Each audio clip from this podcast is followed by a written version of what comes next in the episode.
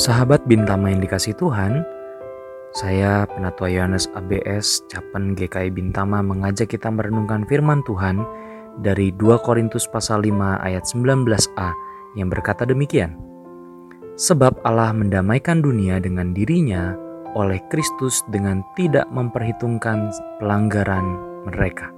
Renungan hari ini bertema Manusia berbalik, Tuhan berbaik.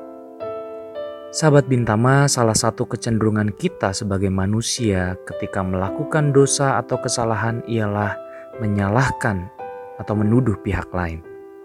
Mengapa? Karena biasanya kita tidak mau menjadi pihak yang salah atau disalahkan. Misalnya ketika kita ditilang karena menerobos lampu lalu lintas. Pasti ada aja subjek atau objek yang kita salahin. Entah posisi lampunya lah yang tidak kelihatan, Kendaraan depan kita lah yang lambat, kendaraan belakang kita lah yang klakson-klakson gak sabaran. Bahkan terkadang termasuk menyalahkan aparat kepolisian yang sedang menilang kita. Intinya kita tuh gak mau salah dan gak mau disalahin. Alasan lainnya adalah juga karena kita tidak mau menjadi pihak yang kalah ketika kita salah.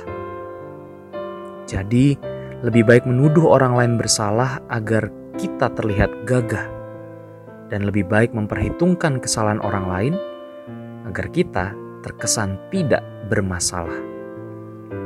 Kecenderungan yang demikian jelas-jelas terbalik. Kalau orang salah dan berdosa ya pastinya harus minta ampun dan berdamai.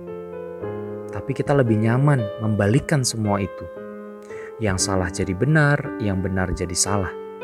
Yang melanggar dapat tepuk tangan, yang taat dapat cibiran yang suci jadi berdosa, yang dosa makin bertambah dosa.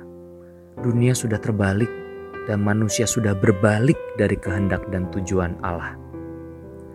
Di tengah dunia yang semakin menjauhi Allah, Rasul Paulus mengingatkan kita untuk menghidupi identitas baru di dalam Kristus. Dalam firman Tuhan hari ini, Paulus menegaskan bahwa ketika dunia berbalik dari Allah, tetapi Allah justru berbaik kepada dunia.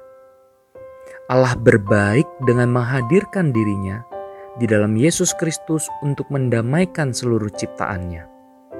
Dan dalam misi pendamaian itu, Allah tidak menyalahkan pihak lain. Allah tidak memperhitungkan seberapa banyak dan seberapa besar pelanggaran kita. Allah mengerti bahwa kita tersesat, butuh ditolong, dan butuh didamaikan. Untuk itu, bagi setiap orang yang telah percaya dalam Kristus, seharusnya tidak lagi menjadi manusia lama, tetapi menjadi manusia baru yang telah berubah. Ingatlah bahwa Allah telah mendamaikan kita. Allah telah berbaik kepada kita meskipun kita kerap berbalik daripada kebenarannya. Jangan biarkan hidup kita dibelenggu oleh dosa dan menyalahkan pihak lain atas keberdosaan kita itu. Yakinilah dan percayalah bahwa di dalam Kristus kita telah didamaikan. Amin.